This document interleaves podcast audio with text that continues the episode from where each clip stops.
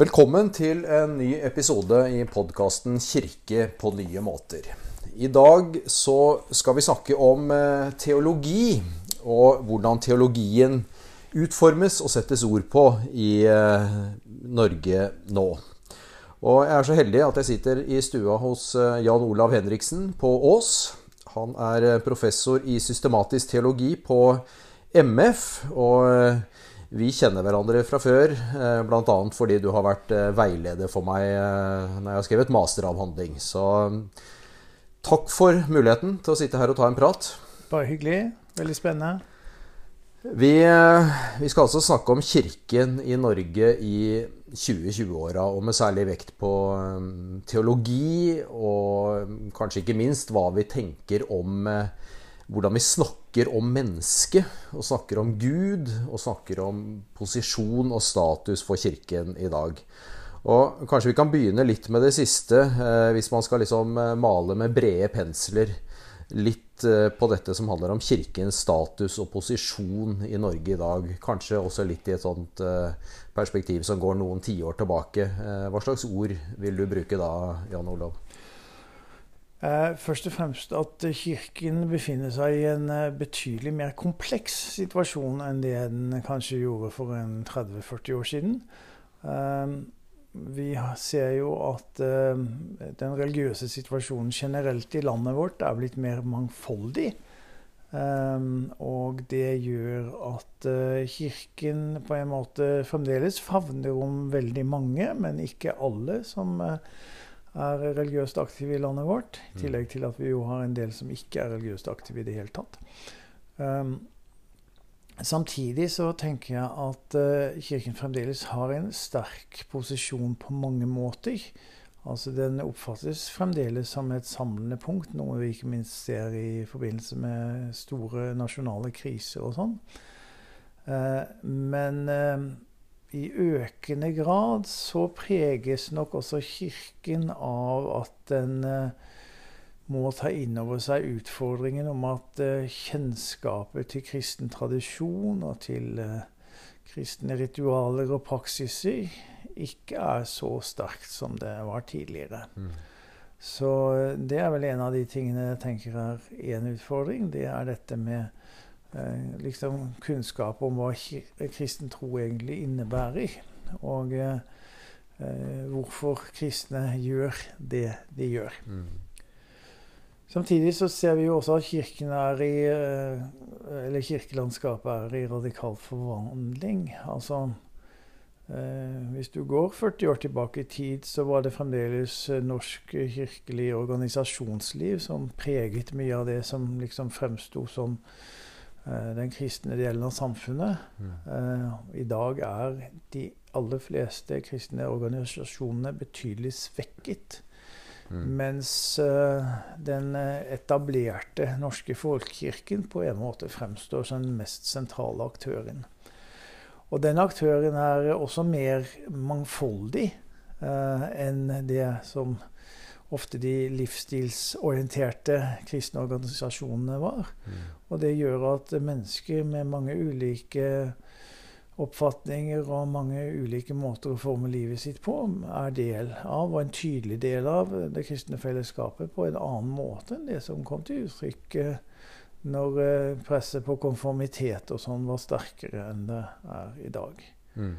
Uh, og det henger jo også sammen med en teologisk uh, endring der eh, holdt på å si, pietistiske og andre livsstilsidealer ikke lenger oppfattes som det mest sentrale i den kristne tro. Og det mm. ser jo jeg på som en stor gevinst. Mm. Altså, det er ikke uh, slik at uh, det først og fremst er hva du er konform med, som bestemmer hvem, du er som kristen, men det er hvem du tror på, hva du bygger livet ditt på. Mm.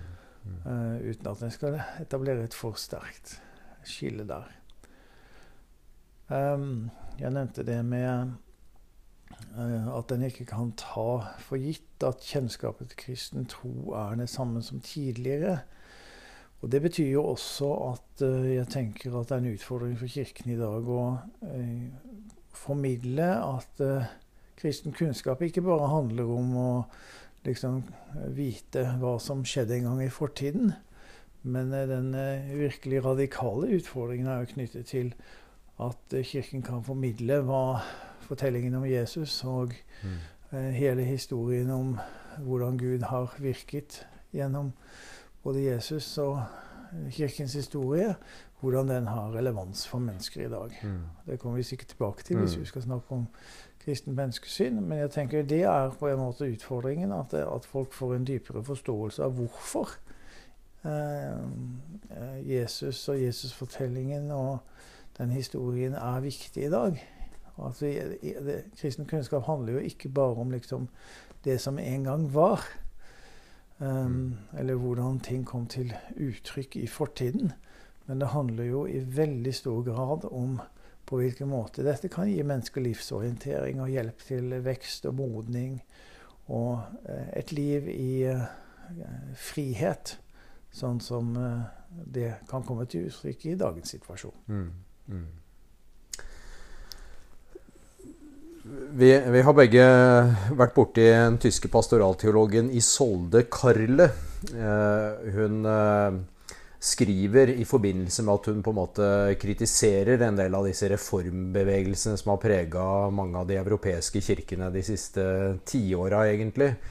Eh, så skriver hun om at eh, det å på en måte reformere, gjøre organisatoriske endringer, gjøre Kirken på en måte mer sånn tilpassa markedet, holdt jeg på å si, og sånne ting, eh, vil bare være å skrape på overflata. For det som er Kirkens egentlige problem, det er en teologisk orienteringskrise. Hvordan snakker vi både sant og relevant til mennesker i dagens samfunn? Er det en analyse som du deler med henne? Eh, det gjør jeg. Jeg har jo ikke så stor tro på at organisering og omorganisering spiller så stor rolle. Altså For å gå inn et annet sted, så tenker jeg at en kan uh, sitere en uh, jødisk filosof fra for 100 år siden, faktisk nå, mm. som, som, sa at det Gud trenger, er ikke bevis, men vitner. Mm. Og eh, hva er det et godt vitne gjør? Jo, det er en som viser hva ting betyr i praksis. Og her er stikkordet praksis. Mm. Eh, fordi at eh, jeg tenker at til tross for den eh, protestantiske vekten på tro og ikke på gjerninger, så er det hvordan eh, Kirken agerer og handler i møte med de utfordringene vi står overfor, som sier noe om betydningen av kristen tro mm. i dag.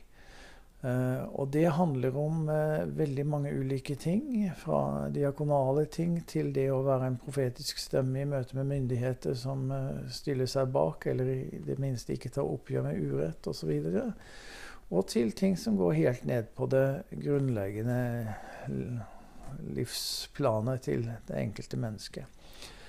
Um, I det sitatet du hadde fra Isolde Kale, så bruker hun ordet orientering. Mm.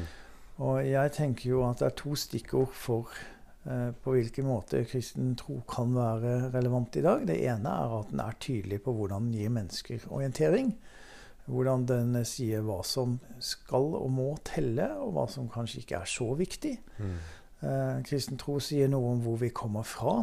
Det må vi vite hvis vi skal orientere oss, men den sier også noe om hva vi skal rette oss mot og forholde oss til. Hva som er verdifullt og ikke. Og det gir oss retning fremover. Og eh, det betyr at en må være frimodig i måten en utlegger kristen tro på, på en sånn måte at det kan gi orientering. Og eh, hvis vi knytter sammen eh, begrepet orientering også med praksis, så er det tydelig at det er ingen vits i å orientere seg hvis ikke du også metaforisk sett går i den retningen som du har da orientering mot. Mm. Og, og, det betyr at uh, Kirkens utfordring er på en måte å tydeliggjøre noe av det den mener skal prege samfunnet og livet mennesker imellom, på en en god måte. Og der tenker jeg jo at eh, folkekirkene fremdeles har eh, en stor mulighet, fordi at de eh, ved sin omfattende og forhåpentligvis også inkluderende måte å være til på, kan være et bilde på hvordan vi er felles, uansett hvem vi er. Mm. Om å skulle bygge et samfunn som tar vare på det enkelte mennesket, og som ivaretar også dem som er svakest stilt, eller lider urett, eller på andre måter er utsatt for ting som, som fremstår som, eh, som eh, ødeleggende. Det andre stikkordet som jeg ville brukt for å snakke om Kirken i dag, det er, det er kanskje litt, uh, litt, abstrakt, men det er, altså, det er, ordet transformasjon, altså endring. Mm. Um, kristen tro innebærer jo endring på veldig mange nivåer. Altså, det innebærer at vi reorienterer oss i forhold til hva som er viktig, selvfølgelig. I dåpen så, så, får vi manifestert hvordan vi er eh, noe mer enn det vi er i kraft av å være skapt. Det innebærer også en form for transformasjon. Um, kristent fellesskap er et fellesskap som går på tvers av etniske og nasjonale skillinger, og gjør et oppgjør med det. Mm. Det innebærer en, at en må tenke om på uh, både hva et kristent fellesskap er i forhold til hva eh, et fellesskap innenfor en gruppe eller en nasjon er. Eh, og det innebærer også et kritisk perspektiv på måten samfunnet er utformet på, som kan innebære endring. Mm. Og gjøre at vi noen ganger må adressere sosial urett og andre ting. transformasjon handler også om det å Eh, være villig til å endre på et samfunn som er preget av konsumjag og en form for vekt på materiell vekst som kommer til å ødelegge kloden på sikt. Mm.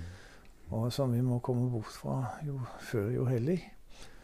Eh, og det handler om personlig indre vekst. Det at eh, Kirken er utfordret til å vi, vise at å leve slik Gud utfordrer oss til gjennom troen, det er en mulighet for å vokse som menneske. Til å ta del i Guds virkelighet på nye og rikere måter. Fordi vi får del i et fellesskap, både med Gud og med andre, som gjør at uh, vi kjenner at dette er en god måte å være menneske på. Mm. Mm. Og jeg tenker vel at uh, ikke minst det å vektlegge denne personlige vekst og modning, eh, er noe som Kirken er utfordret til å finne praksiser for, sånn at eh, en kan bygge fellesskap. For den personlige veksten er jo ikke til for ens egen skyld, men den er jo til for at en skal bygge og fordype mm. de fellesskapene som vi alle på en eller annen måte allerede er del i. Ja. Mm. Mm.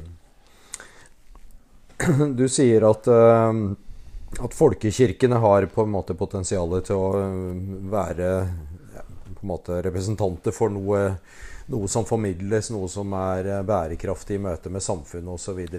Uh, og som jeg hører deg, så, så tenker du at de, de, målbærer og lever opp til det idealet i ganske stor grad også. Er det, er det riktig forstått? Det, det, er vel litt avhengig av hvor vi er i verden, mm. selvfølgelig. Mm. Um, det finnes jo folkekirker som ikke gjør det. Mm.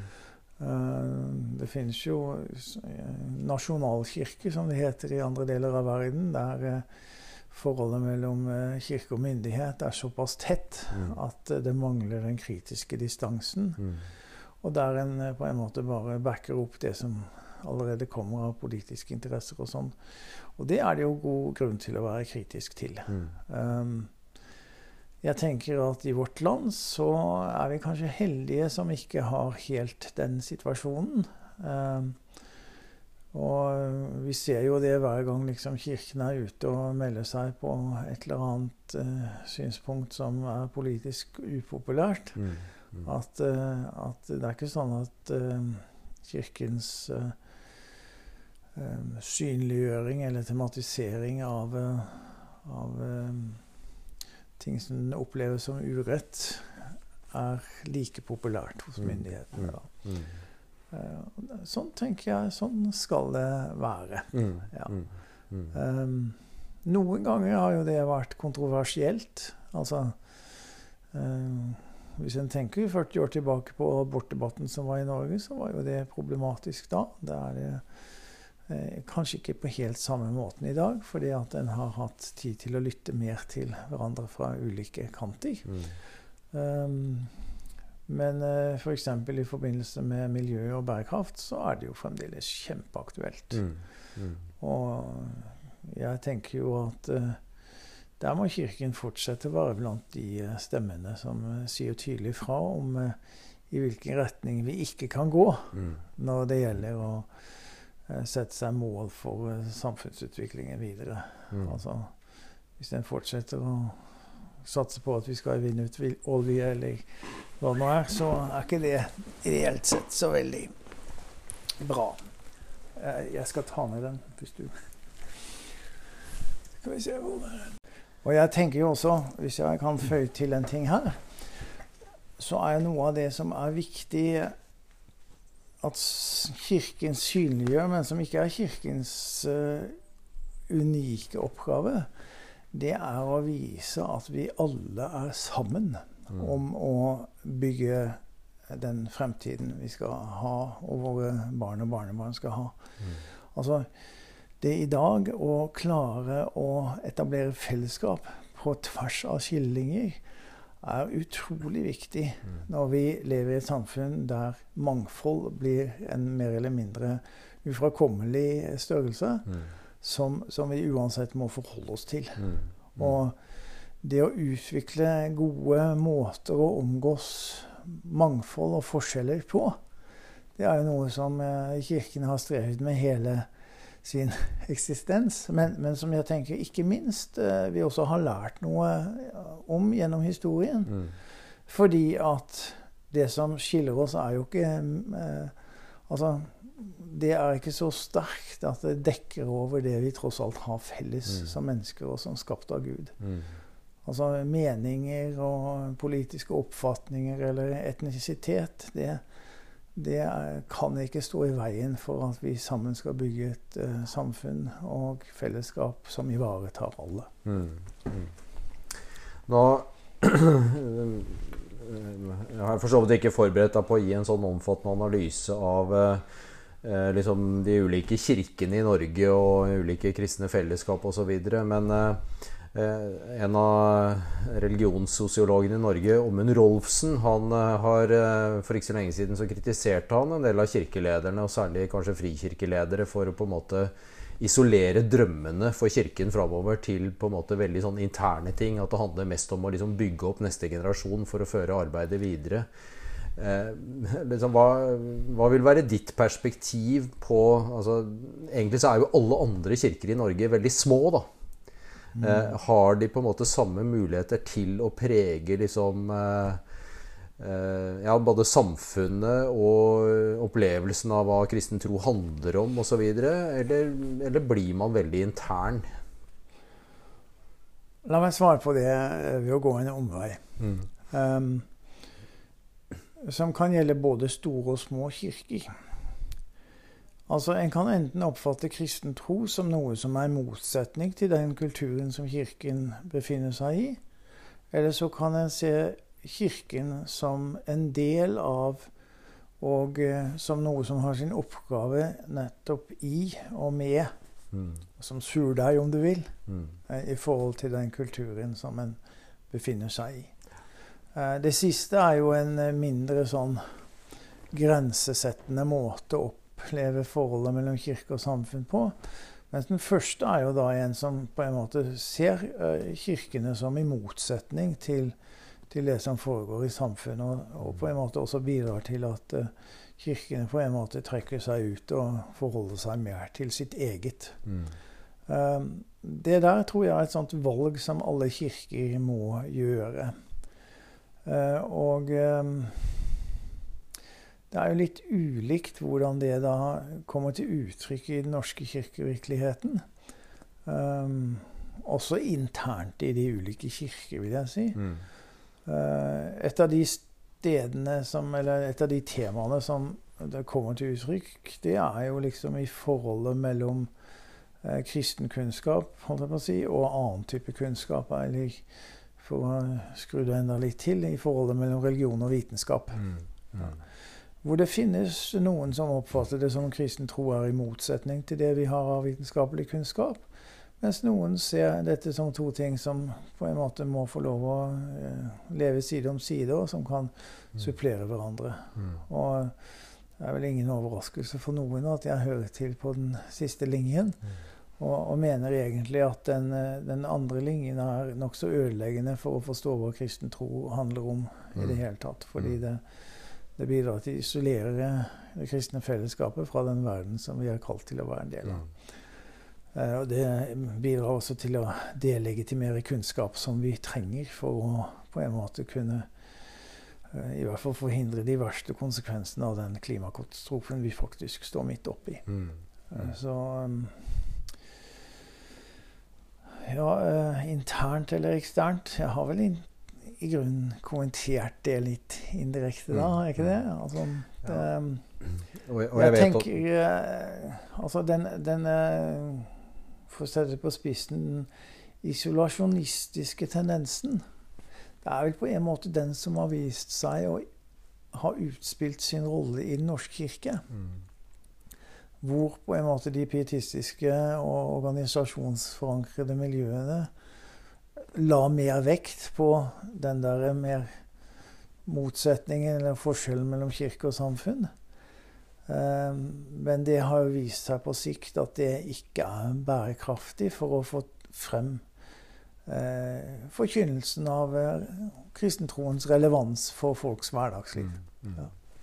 Jeg hadde en tidligere um, episode i podkasten her, så snakka jeg med en som på en måte har tilhørt eh, en fri, frikirkelig sammenheng og som opplevde at eh, det rett og slett ble for trangt. Og det handla både om åpenhet for liksom ulike kulturuttrykk og liksom, ja, avspeile kultur på en måte i mhm. samfunnet. Mm. Men også en sånn kunnskapsfiendtlighet på en måte. Så for han så ble på en måte veien å ja, finne et fristed omtrent i Den norske kirke. da. Mm. Eh, og det er jo ganske skummelt. Jeg husker du har sagt det en gang at eh, hvis vi ikke åpner opp liksom, bibelforståelse og bibeltolkning for erfaring og fornuft, så risikerer vi på en måte å stenge døra for en hel generasjon. på en måte. For det, og sånn som jeg tolka det, så handla det litt om at vi, at vi står i fare for å liksom kreve av folk som vokser opp, ungdom, og gjerne i møte med studiesituasjonen osv., at de skal leve i to virkeligheter. på en måte. Én i mm. kirken, og så møter de en annen et annet sted. Og den spagaten den går ikke i lengden.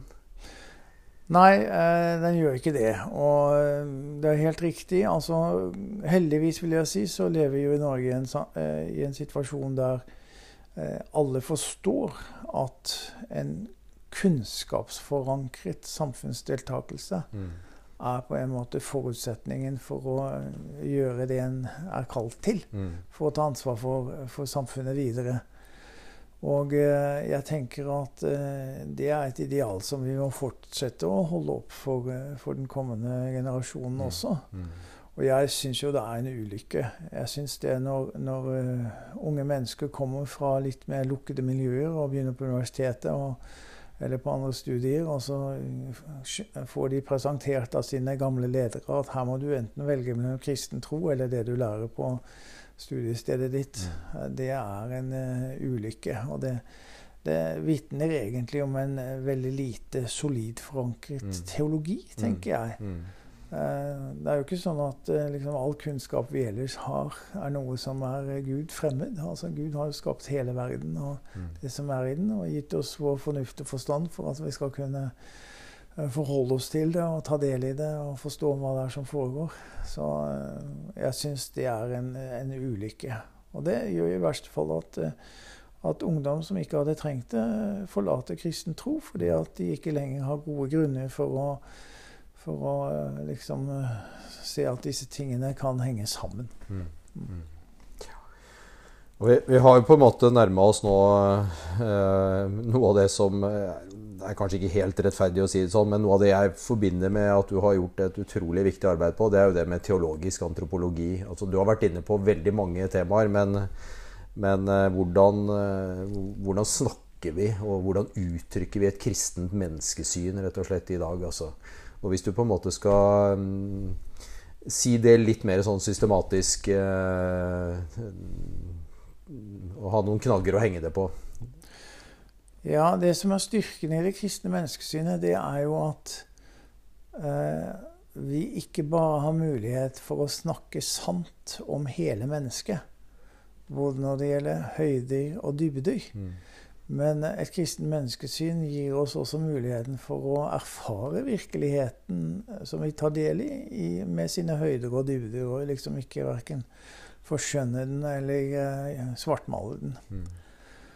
Og jeg tenker det er en helt avgjørende sånn fundamental ting.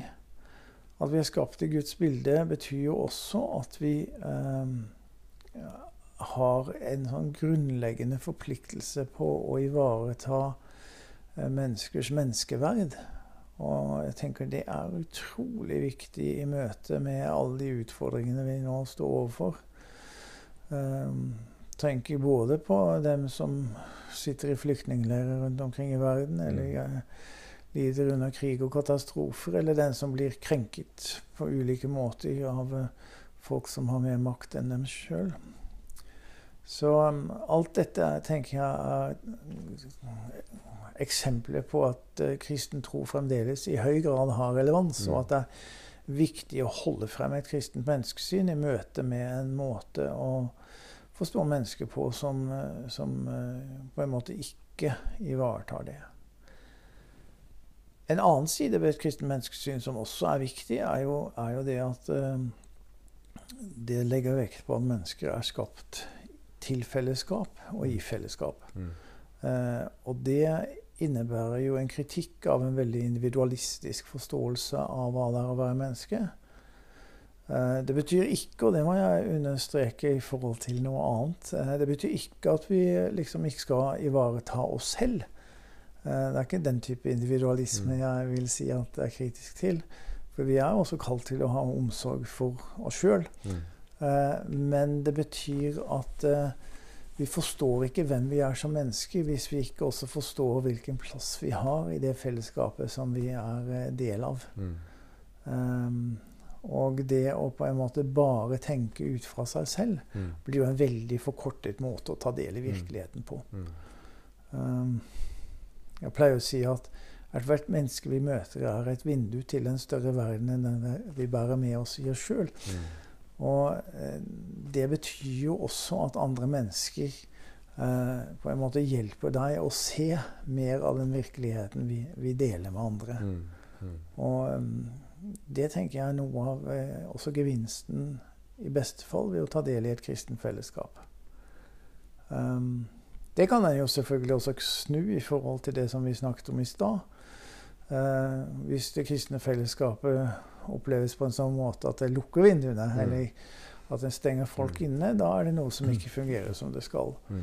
Og um, jeg tenker at et kristen menneskesyn skal jo nettopp hjelpe oss å finne gode veier til menneskelig frihet og trivsel og utfoldelse.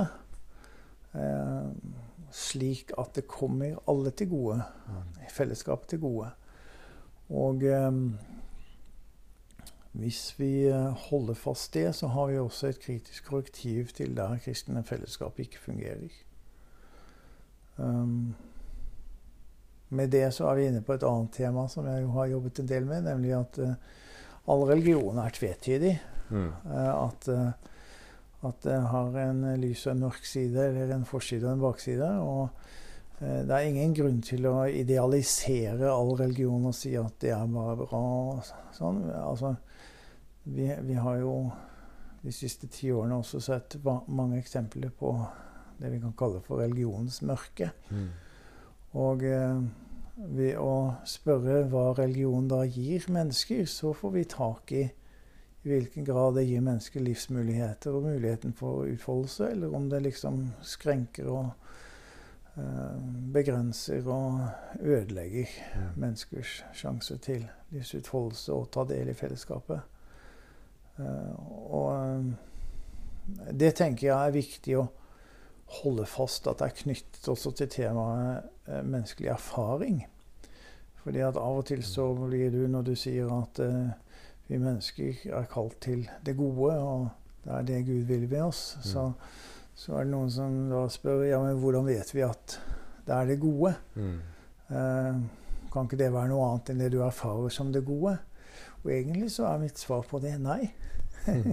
mm. altså, vi vet veldig godt mm. hva det er som gjør at mennesker kan gå oppreist, at mennesker kan leve uten skam, at mennesker kan oppleve at de på en måte får sjanse til å leve og legge noe i fortiden bak seg for å ta del i fellesskap på nye måter osv. Så, mm.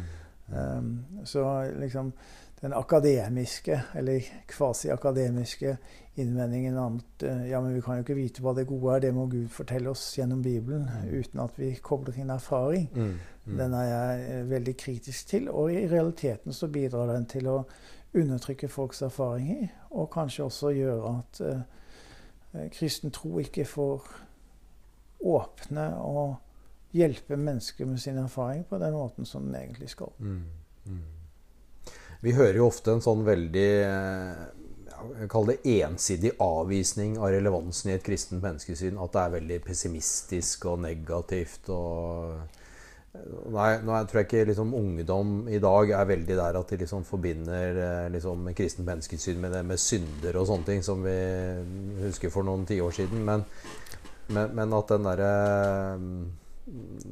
Det litt pessimistiske, da, kanskje særlig i motsetning til at mange har et sånn veldig romantisk bilde av buddhismen som en sånn der veldig mulighetsreligion, ikke sant? og livssynshumanismen også, som på en måte kanskje ikke så mye snakker om de mørke sidene ved mennesket. da.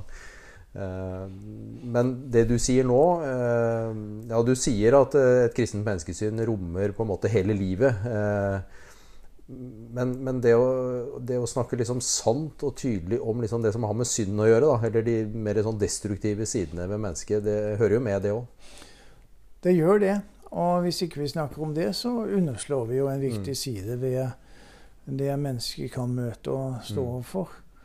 Uh, så det vil jeg jo absolutt si at det skal vi gjøre. Mm.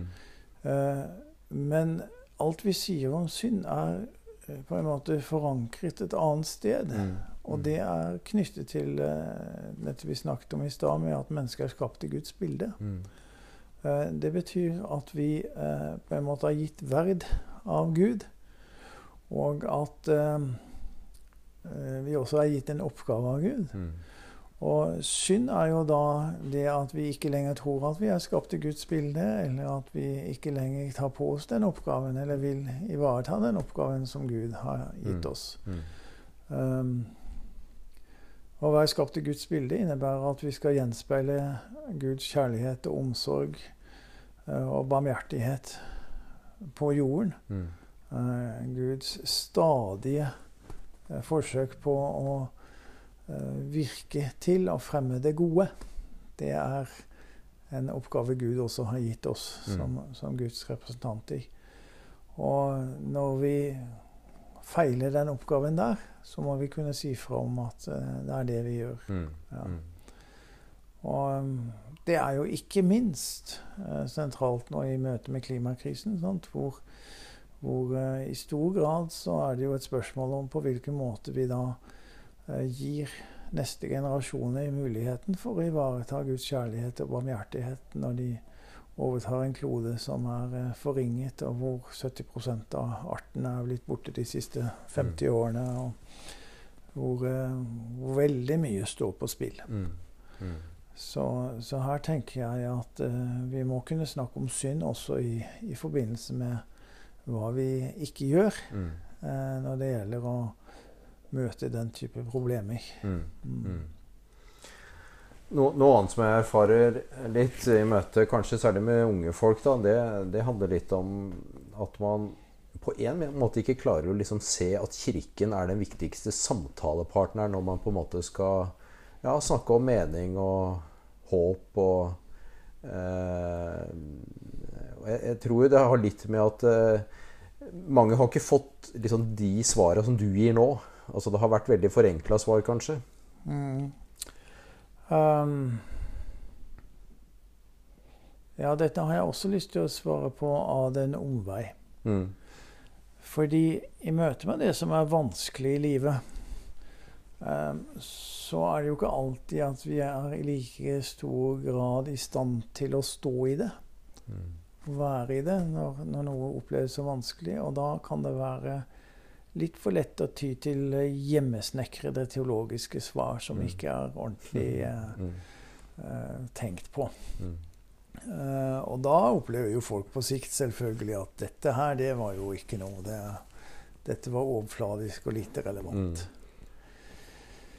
Um, så det um, Da har jo Kirken på en måte forspilt sin sjanse. Mm.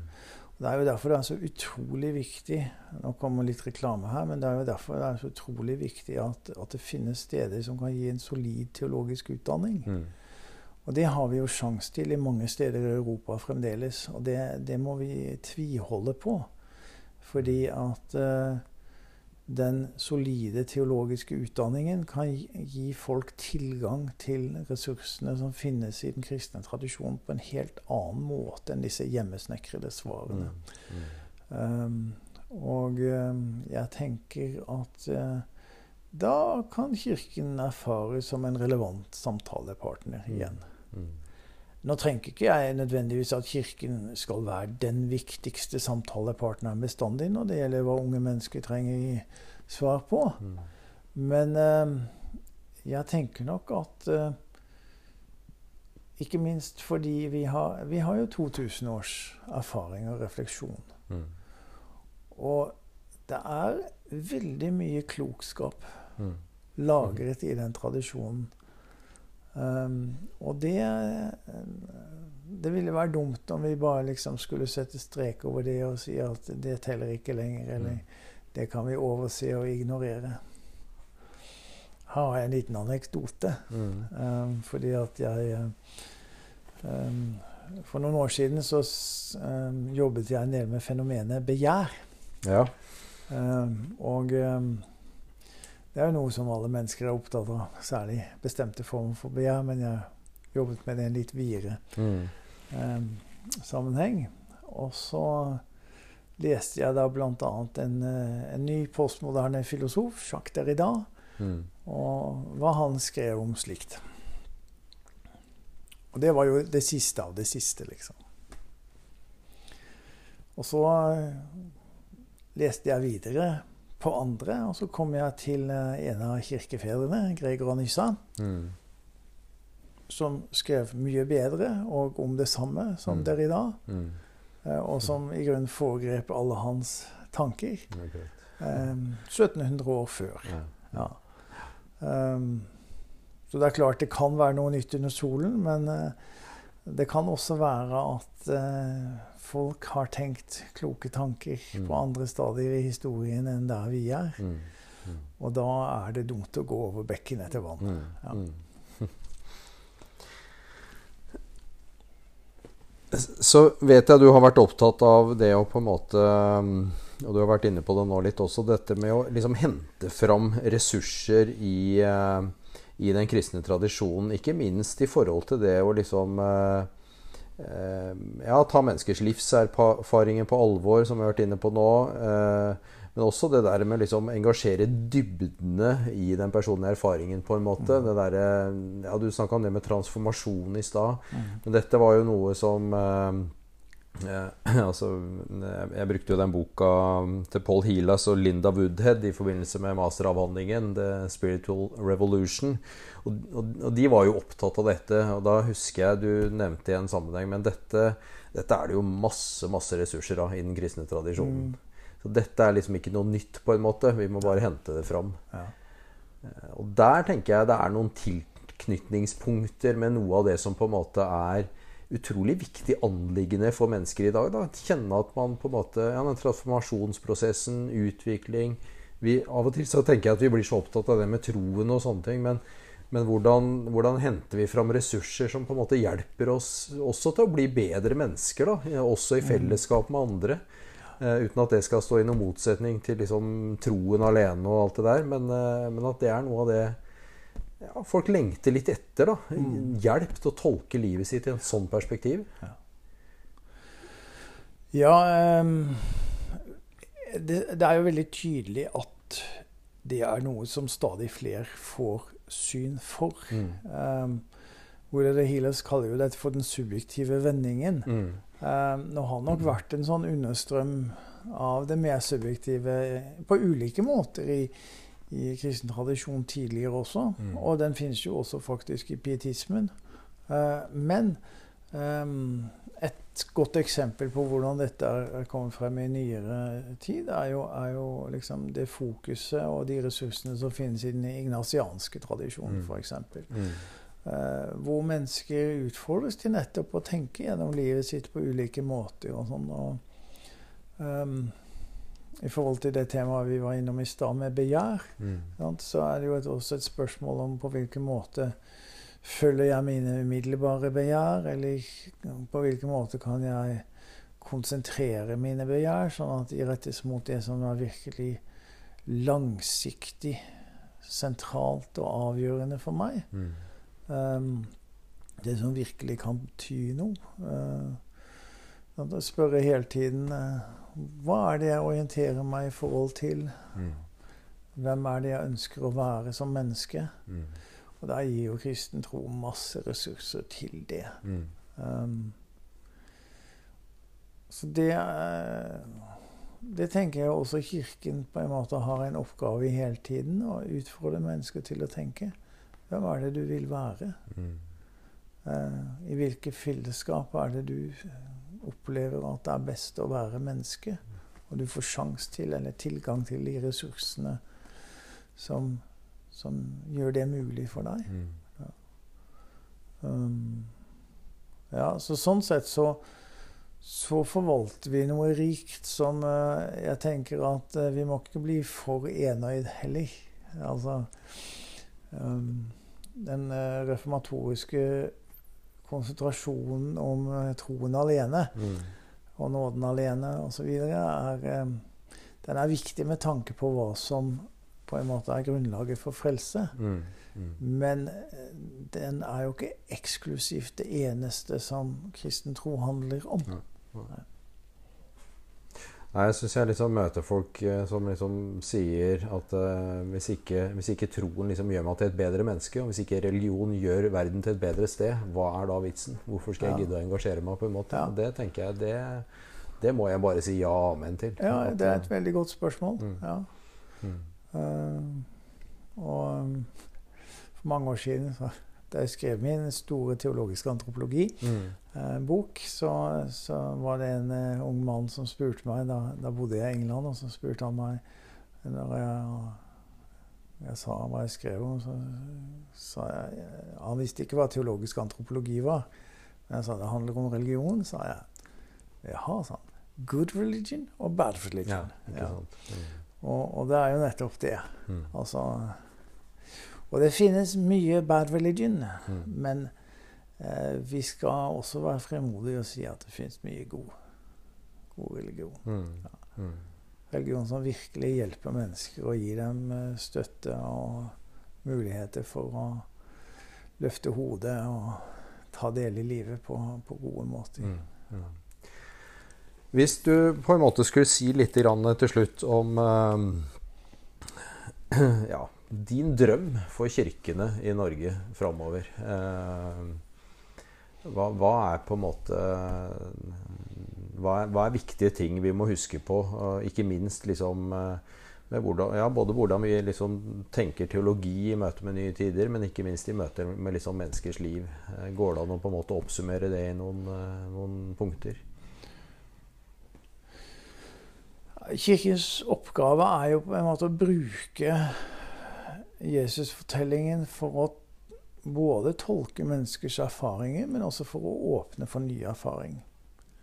For å se at det er mer med livet enn det som er knyttet til eh, hverdagens trivialiteter og muligheter for konsum og, Mm.